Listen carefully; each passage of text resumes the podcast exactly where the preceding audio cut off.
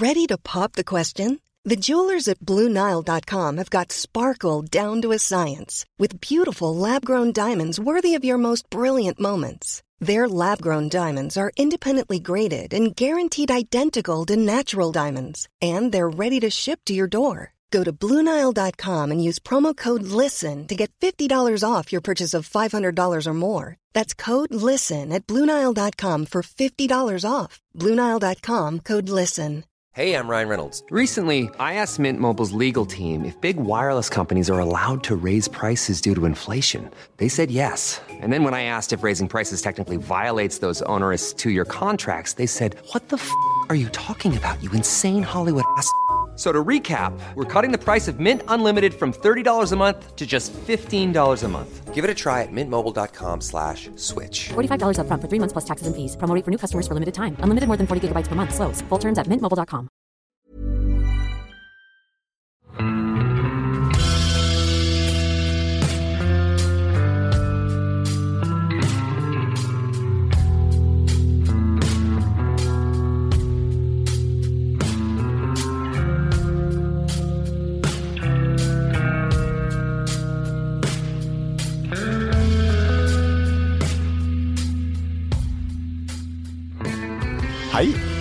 og velkommen til podkasten Uteliv. Mitt navn er Randulf Valle, og dagens episode skal handle om en industriell standard. Nærmere bestemt soveposestandarden E EN 13537, eller som den i dag heter, ISO 23537. Og dagens gjest er Ja, hvis man googler det på nettet, så finner man vel at du er kuldeekspert, Øystein Wiggen? Jo, det stemmer det. Har Ja. jobba mye med kulde. Ja. Sinterforsker, eh, glad i topptur, i eh, klatring og eh, friluftsliv generelt, og har vært gjest både én og to ganger her i podkasten før. Hjertelig velkommen tilbake. Takk og takk. Eh, Vi skal gå gjennom den soveposestandarden, for det er jo noe man møter veldig tidlig når man skal ut og handle sovepose. Og soveposen er jo en veldig viktig del av turutstyret, for sover du ikke godt om natta, da er det ikke noe artig å være på tur. Nei, så absolutt. Og øh, soveposen er jo et øh, veldig, veldig viktig virkemiddel å ha med seg ut. Og øh, det er ikke Det er sånn vi snakka om en gang tidligere her i forhold til kloverdier og isolasjon og sånne ting. Og da, for å få de skikkelige isolasjonsverdiene, så må vi ha en ordentlig god eh, sovepose. Og eh, den EN-standarden eh, hjelper oss litt på vei til å gjøre riktige valg. Altså Det vi skal gjennom i dag, er at vi skal se på altså, hva er det den standarden her sier noe om. Eh, spesielt på de temperaturgrensene den oppgir. Så skal vi se på hvordan man kommer fram til de her temperaturgrensene. Hvorvidt de er riktige. Og så, eh, ja, rett og slett altså gir eh, temperaturgrensene et riktig bilde av posens bruksområde i praksis. Kan vi stole på det som de oppgir? Og den standarden her har jo eksistert siden 2005, og før det så var det jo mer eller mindre litt sånn fritt fram til å sette temperaturgrenser på soveposer for den enkelte produsent. Ja, jeg har ikke helt eh, historien klar for meg der, men det, det som er fint med en standard, er jo det at den eh, eh, Da er oppsettet, da er fremgangsmåten, og da er kravene til det som skal gjennomføres, de er like mellom alle de ulike laboratoriene eller eh, instituttene som gjennomfører de type testene. Så du som da eh, sluttbruker eh, har et, sånn, et kvalitetsstempel på deg. Så er det viktig å tenke på at eh, alle er ikke like. Folk er forskjellige, vi har forskjellige fasonger, og noen eh, føler mer på temperaturer enn andre. Så det er jo ting som vi skal se litt på etter hvert. Ja. Eh, Standarden ble oppdatert én gang i 2013. Og så i 2016 så ble den erstatta av standarden ISO 23537. Altså man bytta et ett-tall med to-tall fremst i nummeret, og bytta fra E1 til eh, ISO. Men det, altså det er jo justeringer som har eh, foregått eh, her, da. Det går an å kjøpe den standarden her hvis du vil. Det koster noen hundrelapper. Kan du, eh, kan du laste den ned og lese gjennom den hvis du ønsker det. Men, men det som jo er og det viktigste som kom da med den standarden her, det var hvordan man anga temperaturgrenser for, eh, for soveposer. Altså Før så var det kanskje vanlig å angi en komfort og en ekstremtemperatur, men, men eh, i den standarden her, eh, ISO 23537, så angis bruksområdet til en sovepose med fire temperaturer. T-max er en sånn makstemperatur for når det er komfortabelt å overnatte i posen uten å svette. Da er det liksom opplagt at du skal ha glidelåsen litt opp og ligge med armene på utsida. Eh, så jeg, liksom, måtte, jeg tenker at den er ikke egentlig så viktig, for blir det for varmt å ligge inni posen, så kryper du ut av den. Eh, men den, den er nå der. De to viktigste temperaturene det er dem som heter T-komfort og T-limit. T-komfort den angir den laveste temperaturen hvor en standard kvinne får en god natts søvn liggende i en avslappa stilling i posen, noe som da vel vil si på ryggen. Uh, mens T-limit er den laveste temperaturen hvor en standard mann får en god natts søvn liggende i fosterstilling. Og I begge de tilfellene her så ligger man sånn akkurat på grensa til å være for kald. Og så har du T-ekstrem, som er en ekstremtemperatur som ikke har noe med vanlig bruk å gjøre, men det er den laveste temperaturen hvor en standard kvinne overlever i posen.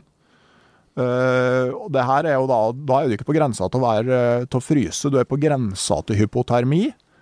Uh, og det er en tilstand som ikke skal vare i veldig mange timer. Uh, det er på en måte en sånn korttids overlevelsestemperatur som ikke har noe med praktisk bruk å gjøre. Da har man vel lagt inn en, eh, både en skjelvekomponent med at du har eh, litt større varmeproduksjon, og eh, du tillater en lavere hudtemperatur. Mm. Sånn at du skal ja, og det er vel sagt, tror jeg, at uh, det er en sånn skjelving som skal kunne opprettholdes i bare noen få timer som ligger inn. Så det, det, det er en veldig ekstrem situasjon. Og for, for, å gjøre en veldig lang historie kort i denne podkasten her, da, så uh, stort sett alle sover godt ned til T-komfort ganske mange sover godt i området mellom T-komfort og T-limit. Når du får temperaturer under T-limit, så er det veldig få som har ei god natts søvn i en sovepose. Det er på en måte det viktigste du trenger å vite, egentlig, om, eh, om eh, temperaturgrensene. Men en sånn standard, den, den gir jo Altså, den, den handler jo om mer enn bare temperaturgrensene. Det er jo en del annet den sier noe om. Ja, den standarden sier jo om hvordan eh, det er Temperaturgrensene er jo det du som sluttbruker sitter og kikker på når du skal uh, orientere deg i soveposelandskapet. Men det den standarden også sier noen ting, er jo om hvordan denne type termiske mannekengen skal se ut. Den sier noe om hvilken type klær denne mannekengen skal se ut. Den sier noe om hvordan omgivelsene og forholdene skal være inni de her klimakameraene hvor det skal testes. Hva skal du ligge på? Altså hvilken type liggeunderlag? Og du skal ligge på en eh, på ei treplate og sånn. Altså det er alt du kan tenke rundt uh, sjølve testen, er standardisert. Mm. Og det står detaljerte beskrivelser om alle faktorene som skal inn i her, her da. Hvilke krav og kriterier som ligger til grunn. Ja, og typisk sånne standarder refererer jo òg til masse andre standarder. For at eh, du måler jo temperaturgrensene med en sånn termisk mannekeng, og det er jo så klart en egen standard for det. Eh, skal ligge på ei treplate, og det finnes standarder for treplater. Uh, og I tillegg så er det jo da føringer på en måte Damptettheten til stoffet angitt, hvordan den skal være. Hvordan mans indre mål i soveposen skal måles. Eh, hvordan den skal merkes eh, for forbrukeren, og slitestyrke og rivestyrke for materialer er jo noe som den standarden her sier noe om. Men, men, det viktigste er den testen for å finne temperaturgrensene. Og på en måte utgangspunktet er jo da å finne en isolasjonsevne for soveposen, og da bruker man ei sånn termisk dokke, som så vidt jeg vet er delt opp i segmenter som har egen, sitt eget varmeelement og på en måte sin egen termostat på hudoverflaten, for å kalle det. Ja, og når vi kjører de her eh, testene på, eh, med dokka, så er det litt fra dokke til dokke hvor mange sånne eh, element de er delt opp i. Men eh, de fleste er jo en eh, 14-16 eh, element, hvor du har hånda, underarmer osv. Eh, og sånn de her fungerer, er jo det at eh, vi har en, eh, en, et ønske om at den skal være stilt inn på en hudtemperatur som eh, står satt på 34 grader, og så måler vi hvor mye energi som kreves da, for å eh, kunne opprettholde den hudtemperaturen. Det betyr jo da har du noe som er en dårlig isolert pose, så krever det mer, eh, mer wattpådrag, enkelt og greit. Ja. Og så er det viktig at den, den dokka her, da, den ligger nede i soveposen. Og under soveposen så har du et liggeunderlag. Og under liggeunderlaget så har du ei treplate som er heva 10 cm over gulvet. Sånn at uh, du har et ganske sånn kraftig liggeunderlag, og du er ikke i direkte kontakt med altså, Grunnen til at man gjør det sånn, sant, er jo at bakken skal ha samme temperatur som kulde, som klimakammeret. Du skal ikke bli lurt at et uh, klimakammer har mye kaldere gulv enn et, enn et, annet. Så det er en måte å sørge for at ting blir likt overalt. Men det, ikke, det ligner ikke så veldig på en reell uteovernatting, egentlig.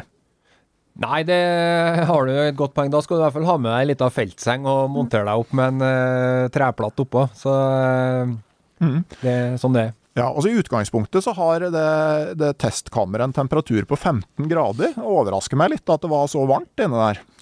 Ja, og det er nok et, eh, det er nok et utgangspunkt. Fordi at Samme som at du er nødt til å ha et et eh, gitt wattepådrag, da. Der har du et sånt intervall som du må ligge imellom for at testen skal være godkjent. Det er ikke sånn at du kan ha så lite wattpådrag som, som det kan skje hvis du har en veldig tjukk pose. Så da må du eventuelt endre omgivelsestemperaturene også, for at du skal kunne gjennomføre testen i henhold til krav og kriterier. da. Ja. Og Det er jo liksom naturlig at det er enklere å måle noe nøyaktig hvis det er litt stort, enn hvis det er bitte lite. Altså, sånn, Absolutt. Ja, har du en vis, ganske stor, eh, stor varmegjennomstrømning i posen, så er det enklere å få et nøyaktig resultat enn om den, er bitte liten. Uh, og så er jo greia ikke sant, at det her justerer du, du, har jo termostatstyring, sånn at det på en måte justerer seg inn så alle de segmentene her uh, har et varmepådrag som er akkurat så stort at uh, hudtemperaturen til dokka blir passe stor, og så tar du et gjennomsnitt av alt det her og får en samla isolasjonsevne for hele soveposen. Ja, det er kort fortalt sånn som du gjør det. Mm. Den får du ut i en enhet som heter kvadratmeter ganger kelvin delt på watt. Hvis du snur den på hodet, så blir den jo eh, da enklere å forstå. Altså da har du watt delt på kvadratmeter og kelvin. Altså watt i forhold til overflateareal og temperaturforskjell mellom utsida og innsida. Ja. Og det er jo det samme uttrykket som du bruker, som vi må ta i forhold til bekledning, så er jo det det samme eh, uttrykket eh, som ligger til grunn, bare at du har noen omregningsformler for å uttrykke det som klo, f.eks. Ja. Eh, og eh, ganske enkelt, når du har den, eh, den, verdien der, så kan du bare gå inn i en tabell og lese altså ok, du har den isolasjonsevnen til posen. Det betyr at T-lim, T-komfort og T-ekstrem skal være som det her. Og Det betyr jo at to poser som har ta, samme T-komfort, har alltid samme T-limit og samme T-ekstrem. For ja, det, det, er bare en beregning, rett og slett. Det er kun en beregning som du tar ut fra standardiserte tabeller. Ja. Mm. Jeg kneip faktisk en produsent i eh, en test en gang at eh, de hadde en eh, At det ikke var samsvar mellom T-limit og, og T-komfort. Og det hadde vært i markedsmateriellet og på posene i flere år uten at det hadde blitt oppdaga. Ingen som helt visste hvordan det hadde skjedd, men det var én gæren verdi som hadde klart å snike seg inn der. Så, men det som skal merke seg her, da, at når du måler den isolasjonsevnen, da, så ligger jo dokka eh, i soveposen med underdøy på, og på et liggeunderlag. Eh, og du måler da en isolasjonsevne som er for dokke, eller sånn for, eh, for sovepose, for undertøy og underlag, med alle luftlag imellom. Sånn det er ikke egentlig et uttrykk bare for soveposen, men for en kombinasjon av alle de faktorene. For jeg fikk et spørsmål fra en eh, lytter for en stund siden om måte, hvordan finner du eh, temperaturgrensene hvis du kombinerer to soveposer, putter dem inni hverandre. Jeg spurte først om er det bare å legge sammen temperaturene. Så jeg spurte om eh, tror du det er sannsynlig at eh, posen blir kaldere hvis du tar en med komforttemperatur på pluss to og putter inn i vinterposen. Sånn at eh, Så enkelt er det ikke som å legge sammen temperaturen. Men så tenkte jeg at eh, man kan jo da regne seg fra den eh, komforttemperaturen til posen, så kan du regne deg tilbake til isolasjonsevnen. Og Hvis man da la sammen de to isolasjonsevnene for soveposen, så tenkte jeg at da kan du regne deg tilbake til temperaturgrensene. Men det blei jo feil, for da fikk du to sett undertøy og to liggeunderlag, plutselig. Ja, og det, måten du må nok gjøre det på, det er faktisk å teste. Eh, enkelt, og- enkelt og greit. Ja, altså, jeg har øh, øh, Du er jo òg klar over at ingen At alle forskere prøver å beregne ting før de tester det, for at det er raskere og billigere. Absolutt. at jeg, og, og jeg publiserer jo i, i månedspressen, ikke sant, og har litt andre krav enn de vitenskapelige artiklene. Så jeg lagde en artikkel og jeg prøvde å liksom se litt på, altså estimere det her. Eh, og den, eh, den har jeg lagt ut på Patrion. Så hvis dere er interessert i å se et estimat på hvordan temperaturgrensene endrer seg, så går det an å se der og se litt hvordan jeg har tenkt. da, At du kan prøve å trekke fra undertøyet og underlaget og, og se litt hvordan du kommer ut. Og, det, det ser ut til å ha en ganske stor effekt å putte en lett sommerpose inn i en vinterpose. Det, du kommer langt ned i eh, komforttemperatur på det viset. Ja, det der er et eh, godt sånn litt sånn praktisk eh, tanke på Folk tenker kanskje innimellom at du må ha x antall soveposer i forhold til hvilken type tur du skal på, men eh, eh, å kombinere produkter, det kan være smart å ta med seg. Bare om det er en tynn eh, sommerpose du drar, eh, legger inni eller drar utapå, litt avhengig av passform, eller om du kryper ned i en fjellduk av et eller annet slaget, så kan det gi en betydelige effekter, da. Mm. Yep. Så den enkle måten da å finne, finne komforttemperatur og sånn, det er jo da å slå opp i tabell. Eh, Men podkasten Uteliv skal jo være eh, mer nerdete enn alle andre podkaster på friluftsliv, så vi må jo så klart se på hvordan man har kommet fram til de temperaturene. For det her er rett og slett eh, fundamentalt beregna. For når man sover i en sovepose, så lager ikke soveposen varme. Det er det bare du som gjør. Og man har da prøvd å beregne når man har en sovepose med gitt isolasjonsevne og en kropp med en gitt energiproduksjon, eh, når havner det her? Når får, når får du en temperaturbalanse? Når er varmetapet til kroppen akkurat likt varmeproduksjonen til kroppen? Og da har man satt opp en beregning, rett og slett, for varmetapet for en person som ligger i posen, og for varmeproduksjonen. Og så deler man da, som du så vidt var på, inne på her i starten, altså energiproduksjonen til kroppen den er delt i to komponenter. Det er på en måte den vanlige varmeproduksjonen, og så er det energiproduksjon i form av skjelving. Ja. Og det er jo eh, Vi bruker jo som en sånn eh, grovt litt sånn tommelfingerregelen er at når vi eh, sitter eller står og er i, i hvile, eh, så ligger vi på en eh, ca. 100 watt. Eh, det er det vi sier, eh, og da har vi for hele kroppen. Det er liksom varmeproduksjonen vår. Eh, ehm, og begynner du å skjelve, så vil jo den her økes betraktelig. Da kan du jo snakke tre til fem ganger.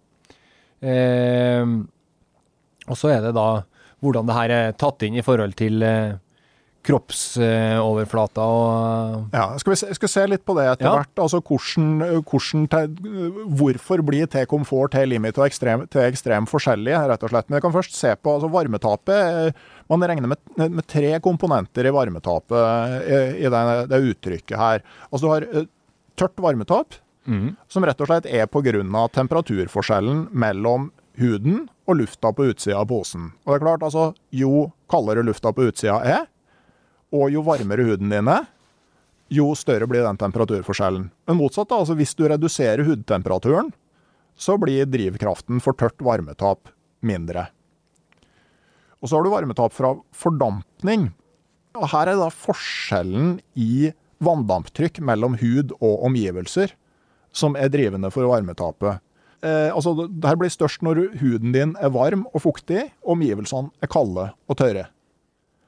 Denne eh, komponenten er rett og slett bare kalkulert fra den, eh, det tørre varmetapet. Altså Man gjør ikke noen målinger. Du kunne jo tenkt deg at du hadde ei svettende dokke. Ja, og det, det, finnes jo noen av det, men uh, det er i hvert fall veldig få av dem, og de er vel ikke anvendt i soveposetestinga per dags dato, i hvert fall. Nei. Og du kan jo si altså Dampsperre i soveposen da, vil jo dra det bidraget her ned mot null etter hvert, fordi at soveposen er helt tett, og du, du får ikke noe øh, Dampen kommer seg ikke ut, og du får metta øh, altså luft som er metta av vanndamp inni posen. Og eh, et, mye, altså et nesten null i bidrag fra varmetap for fordamping. Men så er det også sånn at standarden sier at en sovepose skal ha en viss evne til å slippe ut fuktighet. Sånn at uh, soveposer med dampsperre er ikke i henhold til standarden.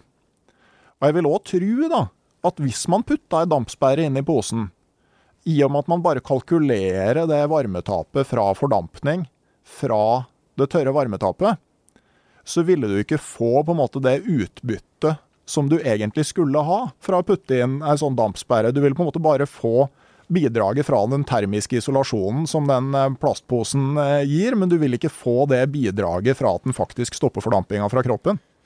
Nei, og da Du vil nok da er, jeg skulle si, Som sluttbruker så er jeg jo kanskje glad at uh, det her dampsperreposene er kun for uh, ekstremsituasjonene. Men, uh, og det tror jeg det er mange som skal være glad for. Men, men det er som du sier, da. Det er en del kriterier som legges til grunn inn i de standardene her, sånn at det skal være eh, hva skal jeg si, best mulig for flest mulig. Men uh, du får ikke uh, det utbyttet du i realiteten ville ha fått da, ved bruk av en dampsperrepose. Nei. Så skal det også sies at det med å sove i dampsperre, det er ikke så ille som man skulle tro.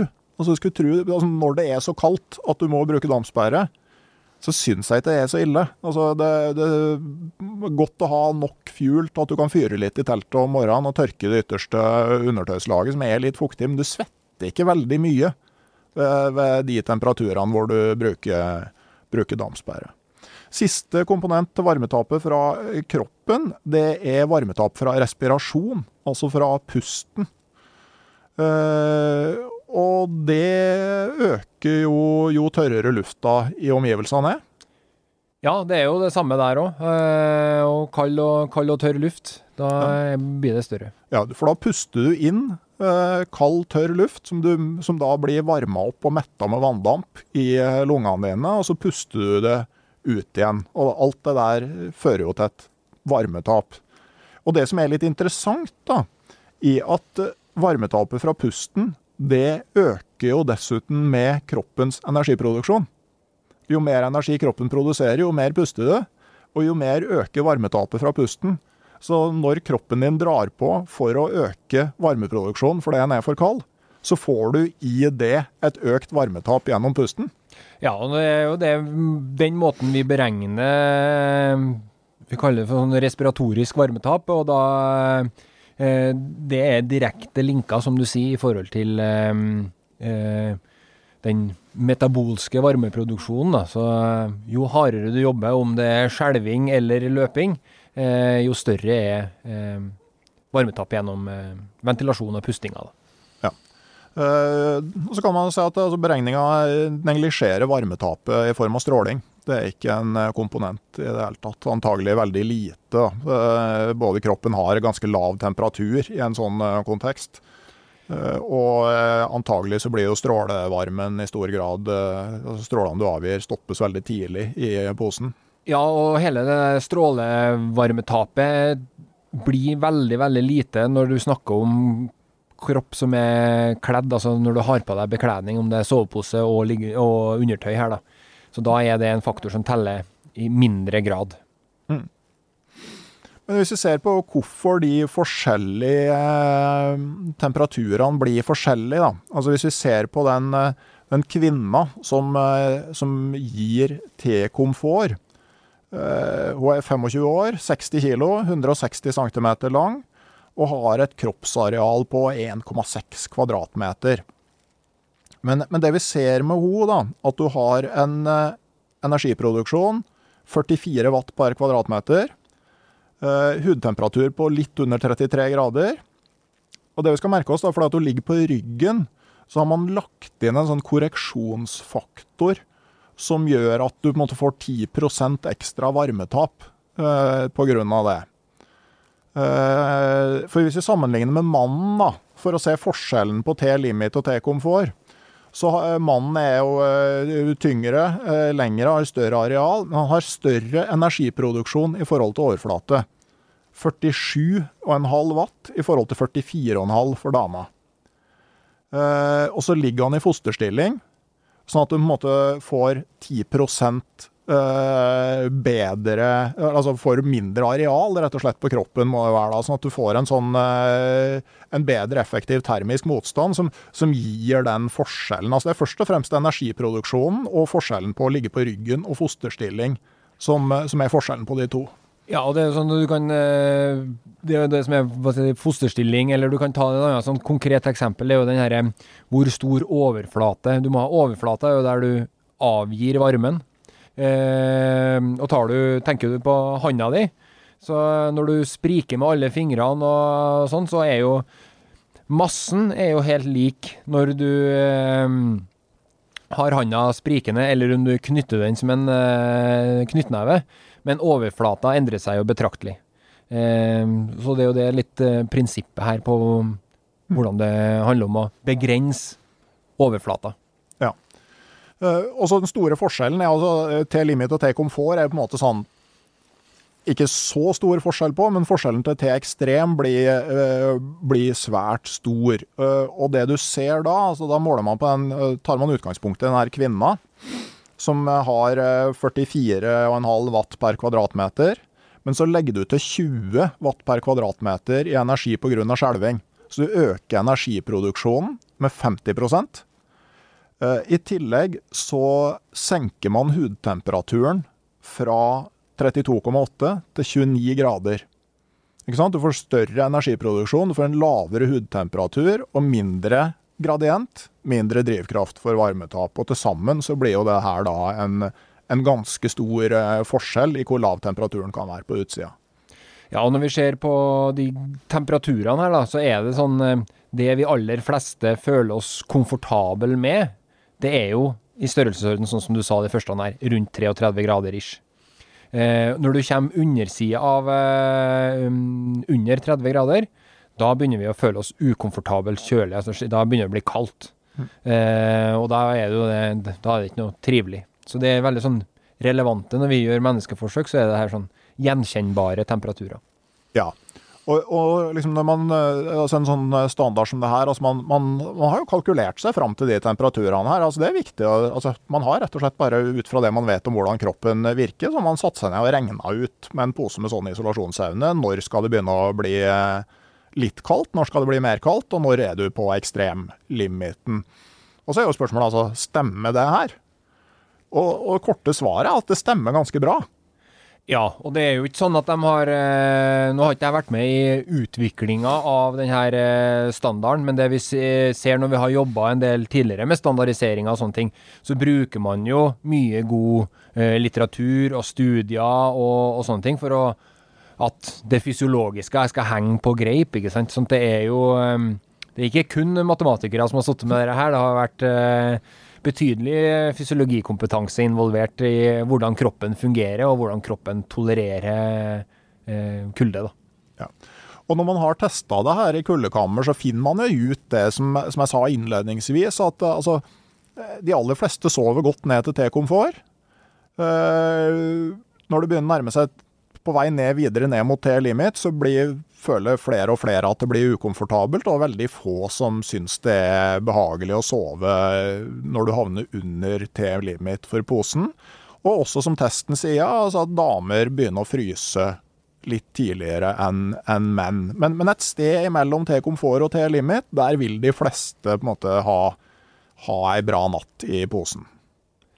Ja, og det er jo det man kanskje bør se på en del av de standardene, og bruke dem ikke som noe sånn absolutte retningslinjer, men mer som et sånt uh, styringsverktøy innenfor uh, hva som fungerer for deg. Fordi at man eh, vet at det er betydelige individuelle forskjeller. Eh, så det må man ta med i betraktning når man skal finne det som fungerer for seg sjøl. Ja. Men det som er med en sånn standard, at nå, nå måler i hvert fall alle produsenter på samme måten. sånn at du har da, altså Når du da har funnet ut litt hvor du ligger i forhold til standarden, så, så har du et bedre verktøy for å, for å velge fritt av pose fra flere produsenter, da, med, med den kunnskapen du etter hvert uh, opparbeider deg. Eh, men, eh, men, så er det jo Jeg vet ikke om vi skal kalle det feilkilder, eller om vi skal kalle det usikkerheter. Men altså, eh, en sånn standard er jo Man tar jo noen valg, ikke sant? Altså at den, den skal være mulig å utføre, og den skal liksom passe for folk flest. Men samtidig så, så, er det jo variasjoner som det er vanskelig å ta inn i en sånn uh, industriell test. Jeg husker bl.a. det var på klessida at en av utviklerne til Norrøna sa at altså, du kan på en måte bruke laben til å velge bort ting. Uh, men liksom, du, kan, du, kan, finne ut hva som ikke fungerer i laben. Men hva som fungerer, det finner du ikke ut før du tar det med ut. Ja, nei, Det er gode komponenter. Det er å ta med seg det gir eh, standardiserte tester. Det gir eh, en god, verdifull input. Og så er det mye i et sånn design- og utviklingsløp som eh, du må henge på på Vi kaller det for felttester. da, Ut og involvere sluttbrukere, ut og involvere eksperter og folk med god kompetanse for å få de best mulige produktene. Ja, og så må du jo òg innse med en sånn, sånn, standard, ikke sant. Altså, folk er ikke forskjellige, og derfor så vil folk passe mer eller mindre bra til de temperaturgrensene som standarden oppgir. Da. Vi kan jo se litt på, på mulige sånn, eh, usikkerhetsmomenter. og Det ene er jo at folk fysiologisk sett er forskjellige. For når, eh, når, standarden angir eh, en, en, energiproduksjon i watt per kvadratmeter, så er det jo i hvert fall altså, så er det flere faktorer som kan endre det. Absolutt. Vi har store og små individer. Vi har ja, alle mulige slags eh, kroppsfasonger. Og hvordan det her skal passe nedi en sovepose, det kan jo sjøl eh, folk tenke seg til. Eh, I en eh, den er jo, De her mannekengene som vi tester det her på, de har jo en veldig sånn standardisert eh, kroppsfasong. Eh, så det er jo det som er tatt som utgangspunkt. Og har man avvik fra dette her, da, så vil jo det også kunne være med å påvirke dine egne preferanser. Ja, så Det ene er jo at måte hvis du er brei, og for eksempel, så kan du eh, klemme ut soveposen sånn at du får kuldebroer, eller det kan bli store luftrom ned i posen. Men så har du òg en sånn enkel ting som at altså hvis du er veldig Altså to personer som begge veier 80 kilo, og den ene er to meter og ti og syltynn, og den andre er kort og kompakt, så har du helt forskjellig kroppsareal. Altså overflatearealet. Og sjøl om du skulle ha samme energiproduksjon, så vil den ene ha større varmetap til omgivelsene enn den andre, ikke sant? Ja, du er inne på ting der, og det er noe med ja, kroppssammensetninga og kroppsform og eh, hvordan du ser ut, om du er Det å ha litt rann, eh, ekstra fettlag, det er jo en fordel i forhold til hvordan du isoleres. Bare spør Hvalrossen. Bare spør Hvalrossen. Eh, og er du tynn og slank, så kan det være at man foretrekker noe som er på litt uh, varmere sida. Så det, men det er litt det derre intervallet du uh, er mellom komfort og limit der, da. Mm. Og så er jo på en måte altså Energiproduksjonen under hvile hos folk er jo forskjellig? Den er forskjellig.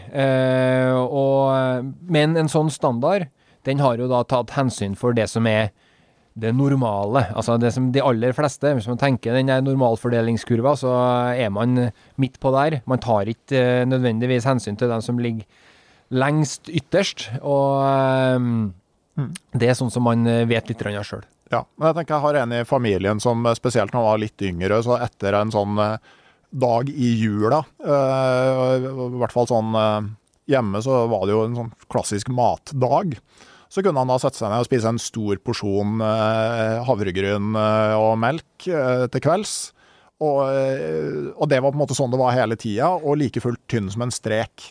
Og da har du på en måte en kroppsform som gir økt varmetap, men samtidig så har du antagelig en varmeproduksjon som er ganske mye større enn gjennomsnittet. Ja, det er definitivt betydelige individuelle variasjoner på hvor mye varme du genererer, og ikke minst så er det jo En ting er hvor mye varme du genererer, men det er også hvordan eh, eh, sirkulasjonen din er. ikke sant? Hvordan føler du deg varm? Har du Og det endrer seg jo i forhold til alt ifra alder og ulike komponenter der. Så det, det, er mange ting som er med å spille inn på fysiologien vår gjennom et langt liv. Mm. Eh, men soveposetestinga, den er standardisert, for å si ja. det sånn. Ja, og det er jo litt sånn der Jeg husker jo at uh, under de kuldekammerforsøkene for å sjekke om standarden stemmer, så er det mange som merker at de fryser på tærne. Det er jo derfor de merker at det er blitt for kaldt. Og En stund så var det jo soveprodusentene og soveposer begynte da å isolere mer rundt tærne, for at det var der de blei kalde. Men sånn fysiologisk så er jo det, det at du fryser på tærne, er jo mer et uttrykk for at kroppens energibalanse er negativ. Sånn at kroppen begynner å ta grep for å få utligna det her. Ja, og det der har vi har prøvd å gjort litt ulike forsøk på å se om, om det er mulig å, å korrigere, eller så ta høyde for akkurat det der da, med at du øker isolasjonen enten på, på hendene eller noe sånt, hvis at du, du, har på deg en bekledning som isolerer deg jevnt over for lite, men du blir, prøver ekstra isolasjon på fingrene, for det er der du blir først kald. Og vi ser at det har minimalt med effekt, det, da. Eh, fordi at eh, det er jo måten kroppen forsvarer seg på, med at den eh, kutter av eh, blodstrømmen til eh, hender og føtter først. Mm. Eh, en annen faktor er at dokka ligger helt rolig i soveposen. Det ligger helt stille, og da får du jo ikke noe sånn der pumpeeffekt for å få luft. Altså, lufta som varmes opp, blir veldig fort igjen i soveposen. Så én ting er hvis du ligger veldig urolig, så vil du antagelig dytte ut den oppvarma lufta di i større grad, og få et større varmetap av det. Og så kan det jo òg være at sånne ting som at én pose har veldig god nakkekrage. ikke sant? At man har dytta inn masse dun i nakkekragen, og at den er tjukk og god. Det er ikke sikkert man får fullt utbytte for det i testen, fordi dokka ligger helt i ro. Nei, ikke nødvendigvis. Og det man vet med, med dokka, er jo at når du plasserer dokka inni denne posen i testen, så ønsker du å gjøre det så likt som overhodet mulig hver gang. Og du prøver jo å legge dette her helt standardisert og luftig, sånn at du ikke har nettopp det du snakker om med kuldebrue og øh, sånne ting. da, Sånn at det, du optimaliserer på en måte oppsettet, men øh, også optimalisere i form av at det er det som er det mest riktige måten å gjennomføre en test på. da. Mm. Hvis du bare skulle ha lagt dokka inni på et eller annet vilkårlig vis, så har øh, det blitt altfor stor variasjon fra testhus til testhus. skulle du si. Ja, eh, sjølsagt. Men jeg tenker at, sånn, eh, at, det at du lager et robust design som funker sjøl om du rører på deg, mm. det er ikke sikkert du får fullt utbytte for det i, i testen, nettopp fordi dokka ligger i ro og kan plasseres på den mest hensiktsmessige måten. Mens i en pose hvor, da, hvor du beholder isolasjonen i større grad sjøl om du rører på deg, så får du ikke den eh, Altså, det vises ikke av testen, da, at du har lagd noe sånn. Og så sier du da at uh, hetta på posen er snurpa ganske voldsomt når du gjør testen. Ja, det er et sånt standardiseringskriterium i posen, da, eller i den testen, er at uh, for at det her skal være likt fra produsent til produsent, eller fra, fra test til test, så skal den snørpes igjen så godt det lar seg gjøre. Uh, og det må jeg innrømme at det er i hvert fall ikke noe som jeg gjør når jeg ligger, ligger i soveposen. Jeg liker i hvert fall å ha muligheten til å få pusta, pusta ut. sånn at der har du en uh, faktor som er lagt inn for at det skal være gjøre en best mulig standardisert test, men som øh, kanskje da isolerer litt mer enn du gjør i realiteten, da. En annen eh, faktor er jo at det ikke er noe vind i kuldekammeret. Jeg tror det var 0,3 sekundmeter det skulle være i lengderetningen der. Eh, og det har jo en del å si for hvor varmt det blir i posen.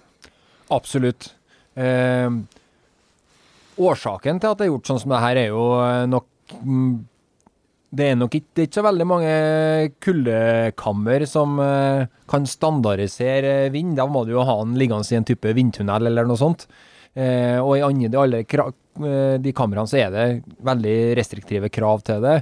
Eh, at du skal kunne ha vindstille forhold, da, eller minimalt med vind, som du sier, på 0,3. Eh, og det er nok relevant inn mot De fleste ligger nok i telt eller i sånn type biter, men ligger du i soveposen din ut, eh, og du har en eller annen form for eh, vind eller bevegelse i lufta utafor, så har det mye å si. Ja, for at, eh, det ene er jo at, på en måte, at ytterstoffet på soveposer er jo mer og mindre vindtett. Og no, noen har jo, eh, lager jo soveposer som er liksom lagd for å ligge ute, som har ja, vann- og vindtett eh, ytterstoff. Og, det får du ikke noe uttelling for eh, når, eh, når, det ikke er noe vind i, i testen. Og så I tillegg så vil det jo bygge seg opp et stillestående isolerende luftlag på utsida av soveposen, og, det kan være ganske voldsomt. Jeg leste der at noen som hadde målt overflatetemperaturen til soveposen, og den hadde en overflatetemperatur på minus 11 i et kuldekammer som holdt minus 20. Ja, det tror jeg nok uh, så absolutt kan være. Det har vi sett på en del av de testene vi gjør, vi òg. At uh, det er en betydelig gradient fra yttersida, om det er et plagg eller sovepose i dette tilfellet. da. Så det, begynner du å tukle med det isolerende laget der, så vil ting endre seg ganske kjapt. Ja, og, og ting man skal hente ut fra det her, da, det er jo mange ting som gjør det vesentlig kaldere å sove under åpen himmel enn inne i et telt. Så det her er en av tingene. Så får du økt eh, varmetap i form av stråling. Det er jo eh, en annen ting. Og i tillegg så er jo lufttemperaturen inne i et telt vesentlig høyere enn uh, utetemperaturen altså, Sjøl om det ikke er noen annen varmekilde enn de to personene som ligger inne der. Min gamle turkompis Bengt Rotmo hadde sånn der enkelt inne-ute-termometer som de brukte da de kryssa Alaska på ski. Og registrerte jo temperaturforskjeller på 20 grader inni og utafor teltet. Altså 40 minus ute, 20 minus inne. Ja, det er jo virkelig noe å ta med seg ut fra et sånt uh, praktisk brukerperspektiv. For det Eh, de forskjellene der syns jeg de er betydelige, og det har noe å si på hva er det du trenger av en sovepose også. Mm. Jeg skal ta også, jeg eh, har de der dataene til Bengt, får lov å bruke dem, så jeg skal ta eh, Patrions. Jeg skal ta og lage en graf. Det var jo det en av professorene på NTNU der jeg tok doktorgraden, som mente at hvis du kunne lage en graf når du gikk hjem, da hadde det vært en bra dag. Så det her skal bli en bra dag. Jeg skal lage en graf av soveposeresultatene til eh, Bengt.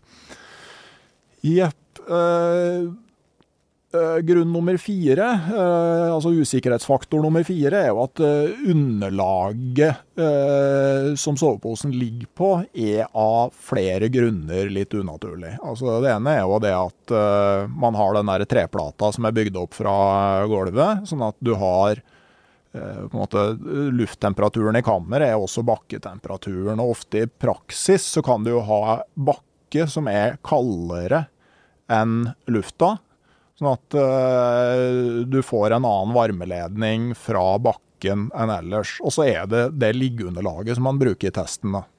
Ja, og uh, grunnen til at det der er gjort, vi var jo litt inne på det i stad, men er jo det at uh, en klimalab de kan jo være bygd opp litt forskjellig. Noen kan ha tregulv, noen kan ha betonggulv, noen kan ha aluminiumsgulv. Og det handler jo om å standardisere hvordan det her skal være i forhold til denne testen. Eh, og er, hvilket liggeunderlag du da legger eh, eh, dokka på. Eh, og det er jo viktig å ta med seg som sluttbruker, og at eh, det liggeunderlaget som brukes her, det er et skikkelig tykt og kraftig vinterliggeunderlag. De bruker de her eh, oppblåsbare, dunfylte, i hvert fall sånn skikkelig kraftige, gode liggeunderlag. Og det er jo det tallene beregnes ut ifra, da. Mm. Og så er det, altså, det er jo eh, lagt inn hva slags isolasjonsevne det underlaget skal ha. Og eh, nå har det jo kommet en industriell standard for måling av isolasjonsevnen til underlag. Men det er ikke den som er brukt for å angi isolasjonsevnen til liggeunderlaget i standarden foreløpig.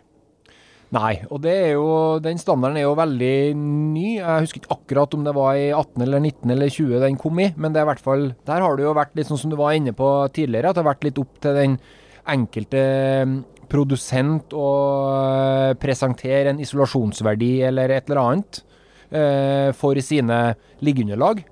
Men nå har det her blitt eh, standardisert, og det er jo et utrolig bra utgangspunkt. Så nå vet alle sammen hva de skal mm, eh, hvordan de skal måle det. Og, og, hvordan de skal presentere det for eh, kunden, sånn at du har muligheten til å sammenligne et uh, liggeunderlag fra den ene eller andre leverandøren. Mm. Men, det, men, det, som er da, at når uh, du har et tjukt liggeunderlag som ligger på en bakke som ikke er spesielt kald i testen, så er det Altså, det her tenker jeg kan påvirke måten produsentene designer posene på. For at Vi som forbrukere går jo etter temperaturgrensene på posene, og spesielt temperaturgrenser i forhold til vekt er jo et kriterium. Altså Hvis du kan finne en, en pose med samme temperaturgrense til lavere vekt, ja, så, så er det lett å, å, gå for det. Men jeg har sett Uh, amerikaner, uh, Elizabeth McCulloch, tror jeg det uh, har gjort en del veldig interessante studier på soveposer. Blant annet på å se liksom på hvordan du fordeler fyllmaterialet mellom topp og bunn av posen. Og De lagde tre poser. En som hadde 70 av isolasjonsmaterialet i toppen, 30% i bunnen. En som delte med 60 i toppen og 40 i bunnen og en som hadde like mye i topp og i bunn. Og hvis du målte posene uten liggeunderlag, så var det mest effektivt å fordele 50-50 mellom topp og bunn. Men hvis du hadde et, eh, et 1,5 eh, tommes underlag under, altså 3-4 cm tjukt, da fikk du best isolasjon ved å ha 70% i topp og bare 30% i bunn. Sånn at uh, altså, jo bedre underlaget er, jo mindre av isolasjonen skal du putte i bunnen av posen for å få best totalisolasjon. Og når standarden er satt opp med et veldig tjukt og varmt underlag, så vil det måte drive produsentene i en retning hvor de har mindre og mindre isolasjon på undersida av posen, tenker jeg. Ja, jeg tror nok at du er inne på et uh, veldig godt poeng der. Og det er jo noe med, uansett om du legger mye av isolasjonen i bunnen der, så skal man jo være klar over at det du ligger på, eh, blir jo eh, pakka sammen. Mm. Eh, og vil gi en eh, gi lite verdi, da, sånn isolasjonsmessig. Alt det du trykker sammen, det fungerer jo langt ifra så godt som eh, det kunne ha gjort. Mm. Og spesielt for dunposer så klemmer man jo isolasjonen veldig sammen. Så det er ikke nødvendigvis sikkert at det her er gærent. Men man skal være klar over at standarden dytter produsentene i en sånn retning. Eh, men at du da eh, må sørge for å ha et godt underlag. Men, men, eh, men det er egentlig en sånn altså, Ja, OK, ta mindre isolasjon i bunnen av posen. Ta med et tjukkere underlag. Og det kan være en bedre måte å utnytte måte, den samla vekten av underlag og, og, og sovepose. Sånn at det, det, sier kanskje noe om hva som, er, hva som er lurt å gjøre. Da. Lag en pose med lite isolasjon i bunn, men ta med et godt underlag. Det, det kan være den optimale måten å få god nattesøvn på. Ja, og det er jo noe av det som vi ser flere og flere bruke ut i markedene nå. De, eh, det finnes jo enkelte av de her fast and light-versjonene som eh, det er knapt bunn i soveposen. Du har nesten bevega deg i retning av en sånn uh, teppeløsning, men da kombinert med de her tykke, lette uh, som fortsatt isolerer godt. Og så får du prøve dem å pushe de grensene nedover på alt mulig. da. Ja, Nei, altså Hvis du ser på det her eh, lettvekstmiljøet, så er jo det å bruke quilt i stedet for eh, sovepose, altså rett og slett dyne, mm. som du da på en måte stropper litt fast til underlaget som skal ligge i ro, det er jo en helt vanlig løsning, og for så vidt ganske logisk. da, men, men, det er viktig å være klar over standarden er, altså soveposen i standarden er målt med et skikkelig godt underlag, og hvis du drar ut med uh, et syltynt et, så begynner du å fryse lenge før det standarden, eller lenge før eh, T-komfort og T-limit eh, angir. Da. Så det, det, det, er viktig å være klar over. Ja, jeg har testa ut akkurat det der med et uh, lett, men godt liggeunderlag og en kvilt oppå, og det fungerer veldig greit. Men de får vel ikke godkjent det der De får vel ikke gjort noe standardisert test på den kulten, så vet jeg godt jeg vet. Der, der tror jeg det gikk litt mer på synsebasert mengde. Ja. Det er vel ganske sånn, sånn high end-brukere òg, altså Da kommer du over i et brukersegment som er veldig erfaren og veldig bevisst på hva de skal ha. ikke sant? Så men Og så er det jo det med at dokka er påkledd, ikke sant. Den dokka skal ha en, et undertøy med en gitt isolasjonsevne, kan vi si. Og, og den, den, isolasjonsevnen på, på, en pose med, med T-komfort rundt null, så utgjør undertøyet uh, røftlig 10 av isolasjonsevnen til helheten. Sånn at det er viktig å være klar over. Ja, og det der var jo noe vi snakka på en, eh, i en eh, tidligere podkast, på um, hvordan skal man kle seg inni en uh, sovepose. Eh, om det var en fordel å ha på seg ett eller to eller tre lag der. Eh, men det som er sikkert, er at uh, de testene som er gjort, ja, at mamma er klar over med den dokka, at uh, hun har på seg sokker og ullundertøy. Som er helt sånn standard tynt, uten at man gjør noe mer hokus pokus av det. Mm. Men òg at du da kan øke isolasjonsevnen på en sånn sommerpose med faktisk en 10% ved å ha på et ekstra lag til med undertøy. Og kanskje mer enn det òg, fordi du får den effekten av luftlag mellom undertøy.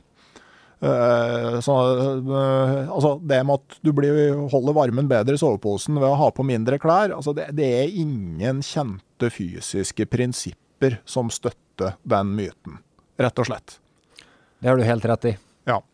Eh, så eh, ja, dere har faktisk ikke på seg lue i testen. Sånn at det kan man jo, og spesielt på vinteren, altså når man ikke vil trekke igjen så veldig hardt. Altså en balaklava og tjukk, god lue, det, det, hjelper veldig godt bare for det å slippe å trekke igjen så hardt. Mm, absolutt. Uh, Så er det en, en viktig faktor at uh, målingene gjelder tørre og nye poser. Altså Posene legges inn og kondisjoneres, som det heter, i det her uh, kuldekammeret. Det er jo ikke et kuldekammer heller, når det tar utgangspunkt i 15 grader. Legges inn der, og, og det er veldig lite fuktighet. og I tillegg så er det sånn når du gjør de her målingene, så venter du jo til det har innstilt seg en, en likevekt. Ja, man venter jo til alt det her har stabilisert seg, og det tar jo ehm, det tar jo fort eh, noen timer i løpet av for at alt sammen skal være helt stabilt, og at du har den ønska målenøyaktigheten som, eh, som er, da. Ja, og det som jo skjer da, hvis du har en sovepose, hvis, hvis den kondisjoneringa i testkammeret innebar at det var en del fuktighet i posen, og du da setter på et varmeelement inni, Altså Så lenge det er igjen en del fuktighet, så vil jo ikke det her stabilisere seg. Sånn når, test, når oppsettet er stabilt, og du kan foreta avlesningene, så er jo soveposen helt knusktørr. Jeg hører jo de som gjør de målingene her, sier at eh, soveposene er så tørre at det gnistrer når du tar ut dokka etterpå.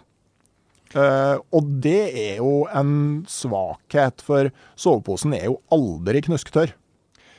Nei, bortsett fra når det er standardisert testing, da. ja, ja. Eh, men det der er jo også nok et sånt premiss som de har tatt for å eh, Som vi har snakka på litt før. Det er utfordrende når du begynner å få det mm, lavere temperaturer og få standardisert en fuktmengde og sånne ting. Så det er, gjort, det del, en del sånne praktiske grep de har gjort for å gjøre testinga mest mulig lik. Men det har definitivt eh, en effekt, da. Fuktigheten på isolasjonsgraden. Ja, og eh, jeg har jo snakka med litt folk eh, som driver en del med de testene her, som sier at altså eh, Det er Man får ikke alltid de resultatene som produsentene har sett for seg, spesielt på dunposer. Og det er altså Ja, det er ting der som som man ikke helt har oversikt over, rett og slett.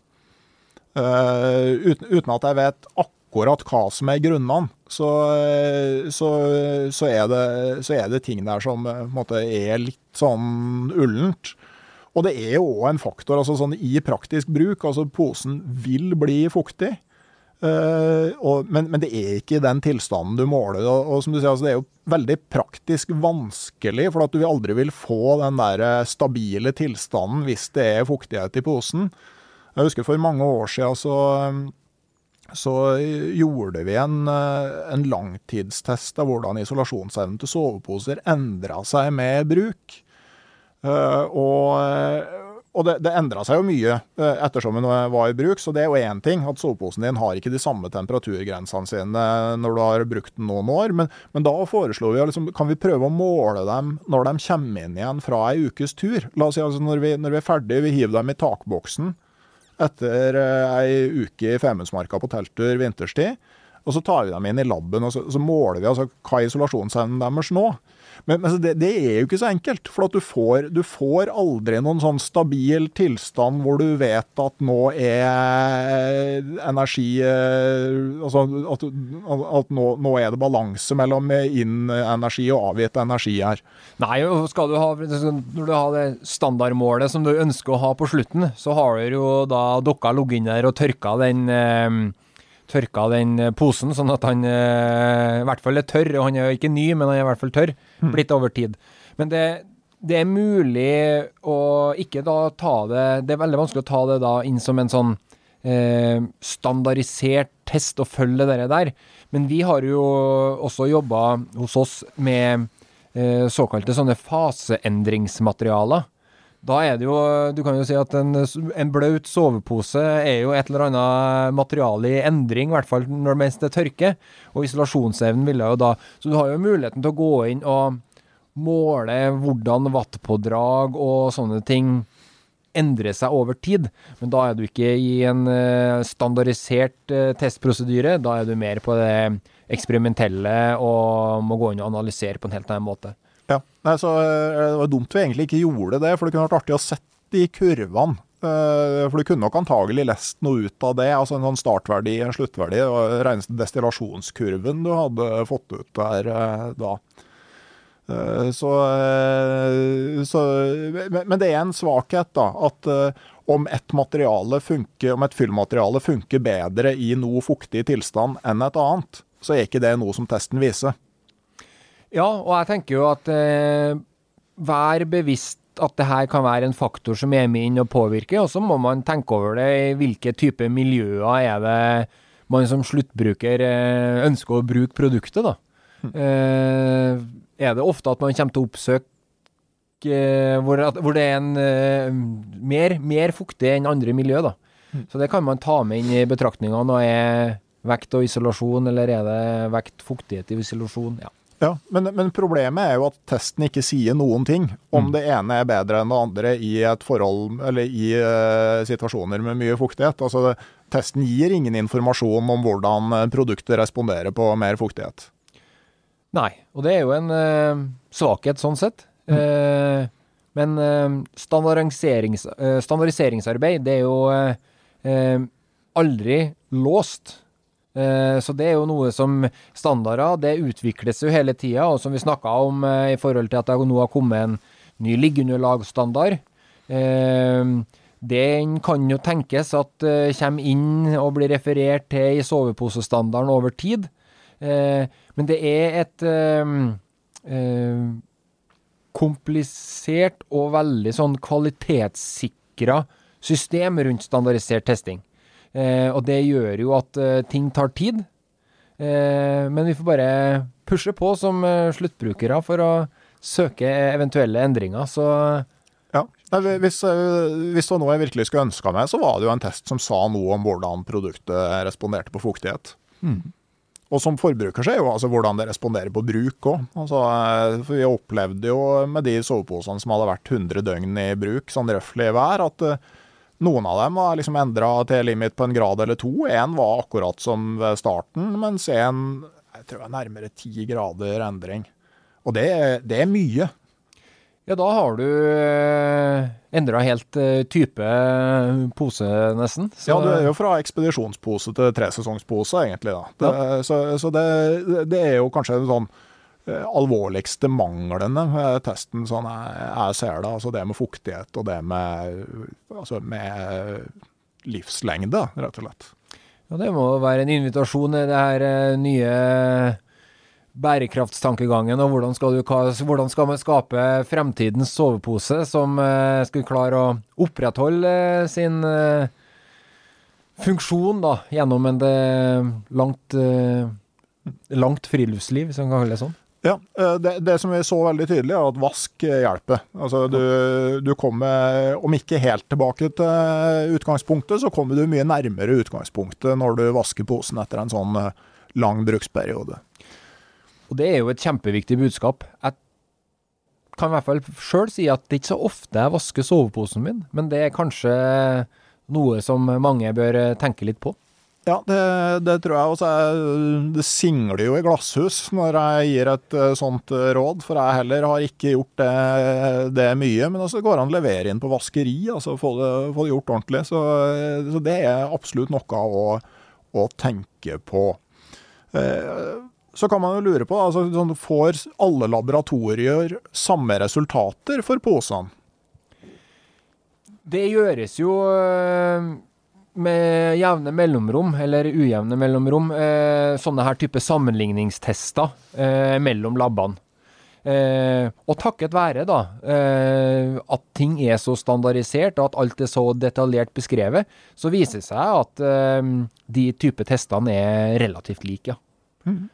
Jeg mener at det er sånn innafor 5 i isolasjonsevne, eh, og, det, er, det, det er ikke veldig stor forskjell. Så at eh, gitt at på, måte, responsen på temperaturgrensene er såpass individuell, så tenker jeg at det er en høyst akseptabel variasjon. Altså, eh, Ja, så er det litt sånn Det er jo øh, forskjellige labber, men det er også forskjellige typer termiske mannekenger. De ser litt annerledes ut, og det er ikke alt sammen som er helt eksakt, da.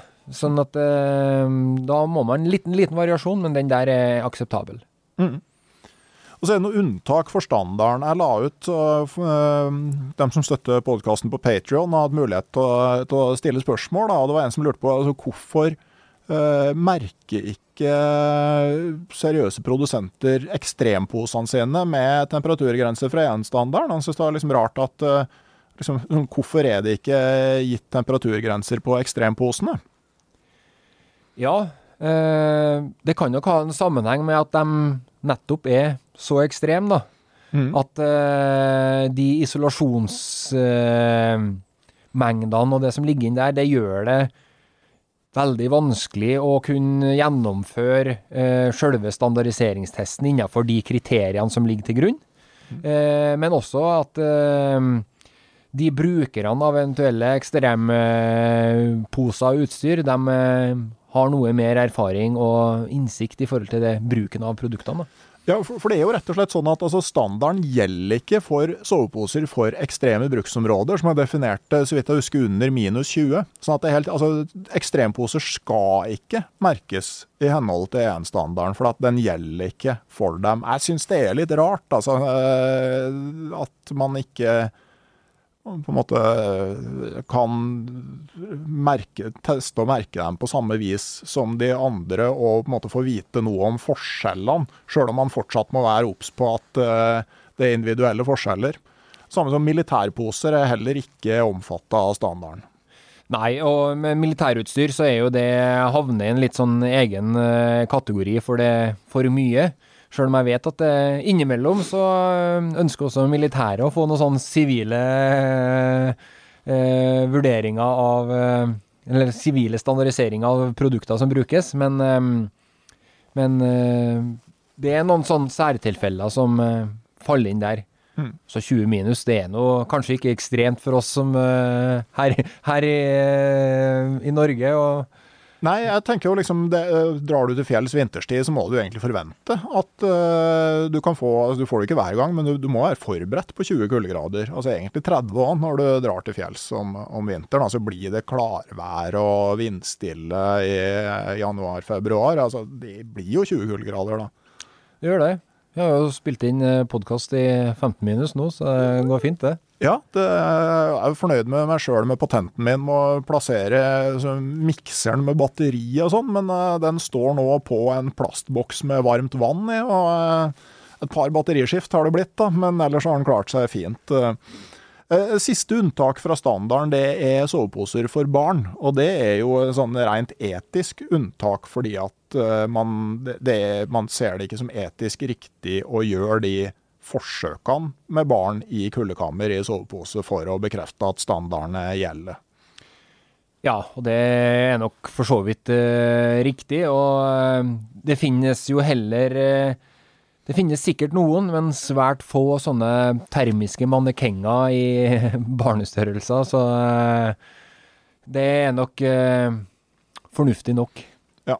Jeg tenker Jeg mm, har nettopp eh, vært alenepappa på hytta ei helg og måtte finne på noe med to unger på litt forskjellig alder. Vi lagde en sånn der, Det er et navn for det. sånn Litt sånn der kanadisk skogsiglo, hvor du graver en stor snøhaug, og så lar det sintre, og så graver du deg inn i den og lager snøhule og, og overnatta i den. da. Uh, og uh, da er det liksom for min del, når, eh, når ungene skal sove ute i januar, som det her var, da, så, så er det en barnesovepose innerst, og så en vintersovepose for voksne utapå. Sånn at det, det, er jo i hvert fall min resept da, på, på vinterovernatting for unger med sovepose.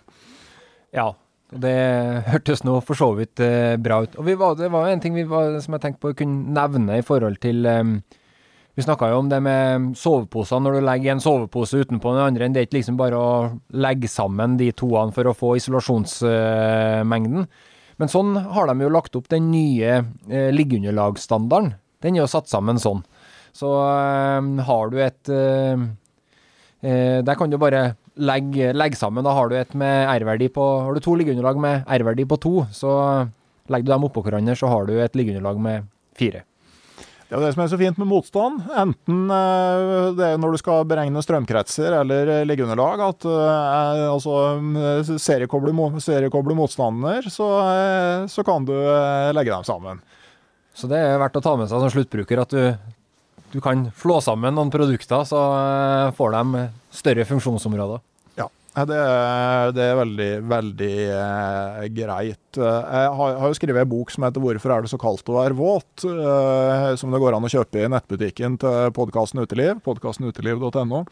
Og Der har jeg bl.a. sett på hvis du har ett luftfylt underlag og ett skumplastunderlag, har det noe å si hvem av dem du legger øverst og nederst?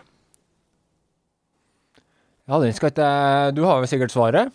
Jeg, jeg husker hva jeg regna på, men jeg husker, ikke hvordan, jeg husker faktisk ikke hvordan det blei. Men poenget er jo at fordi strålevarmen er øh, avhengig av ikke bare temperaturforskjell, men absolutt temperatur, så har det noe å si. Altså, så, så vil jo strålevarmetapet være større i det luftfylte underlaget enn i skumplastunderlaget. Og ergo så mener jeg at det var lurt å plassere det luftfylte underlaget nederst. Fordi at temperaturene er lavere der. Altså gradienten er den samme gjennom underlaget, men absoluttemperaturene er lavere. Og derfor så er strålevarmetapet lavere. Ja, det er interessant. Det, det, den problemstillinga har ikke jeg stilt meg sjøl. Jeg må innrømme at jeg har eh, forholdt meg til å ha skumplasten i bunn som eh, beskyttelse mot underlaget for å ta vare på det her eh, oppblåsbare oppå, men jeg er usikker på om jeg skal endre det oppsettet. Men jeg får se litt i boka. Ja, du får gjøre det. Eh, jeg må inn og kikke, den jeg òg. Den eh, ligger inne på eh, lageret til nettbutikken. Og jeg må jo bare òg si da at den nettbutikken til podkasten Uteliv, det, det, er ingen ansatte på lageret der. Det er meg som fysisk sender ut alt sammen. Uh, jeg prøver å sende ut sånn ca. én gang i, i, uka. Sånn at det, det, er ikke som når du handler på Bokkilden, at du sier pling, og så er det sendt ut i det øyeblikket det er bestilt, med mindre du er heldig å, og sende bestillinga akkurat i det jeg skal sende ut. Da. Så si fra hvis det haster veldig når du bestiller, for, uh, for det, det, det, er bare meg som styrer sjappa. Vel, eh, superhyggelig å ha deg på besøk igjen, Øystein Wiggen kuldeekspert fra Sintef. Takk for at jeg fikk komme. Ja. Vi kan jo oppsummere til slutt. Eh, jeg tenker at eh, standardisering av temperaturmålinger og størrelser og eh, stoff og sånne ting på soveposer, det, det er jo et klart framskritt. Så absolutt. Og det det gjør det enklere for uh, produsenter og sluttbrukere å ha et eh, enkelt sammenligningsgrunnlag mellom, eh, sånn at alt sammen det her er standardisert, og man vet hva man får, i hvert fall delvis. Ja. Du, du vet i større grad hva du får, uavhengig av hvilken produsent du velger. Og, og sjøl om det å sove ute er individuelt, så vil du over tid kunne justere deg inn eh, i relasjon til standarden, og se måte, hvor du ligger hen i forhold til de verdiene som er gitt opp. Eh, eller oppgitt, da. Gitt opp og oppgitt det er vel egentlig to forskjellige ting. jeg tenker meg. Men så er det jo det med standarder. ikke sant? Altså at det, det er, Man tar noen valg både på hva som er på en måte praktisk mulig å måle på en enkel måte, og hva man vektlegger. Uh, og jeg tenker at uh, det man skal ta med seg, da, er at testen For å få de temperaturverdiene som testen gir, så må du ha et godt underlag, fordi at det er målt med et godt underlag. Uh, at testen ikke tar høyde for vind. Sånn at hvis du sover ute, så det uh, blir det fort vesentlig kaldere enn det temperaturgrensene på soveposen skulle, skulle gi inntrykk av.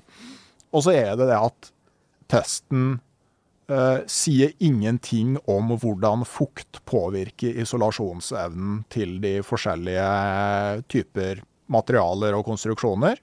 Altså sånn Om noen tåler fukt bedre enn andre, så er ikke det noe vi får vite noe om. Testen sier, standarden sier ingenting om det. Og det samme med holdbarhet over tid er heller ikke noe som standarden sier noe om. Nei.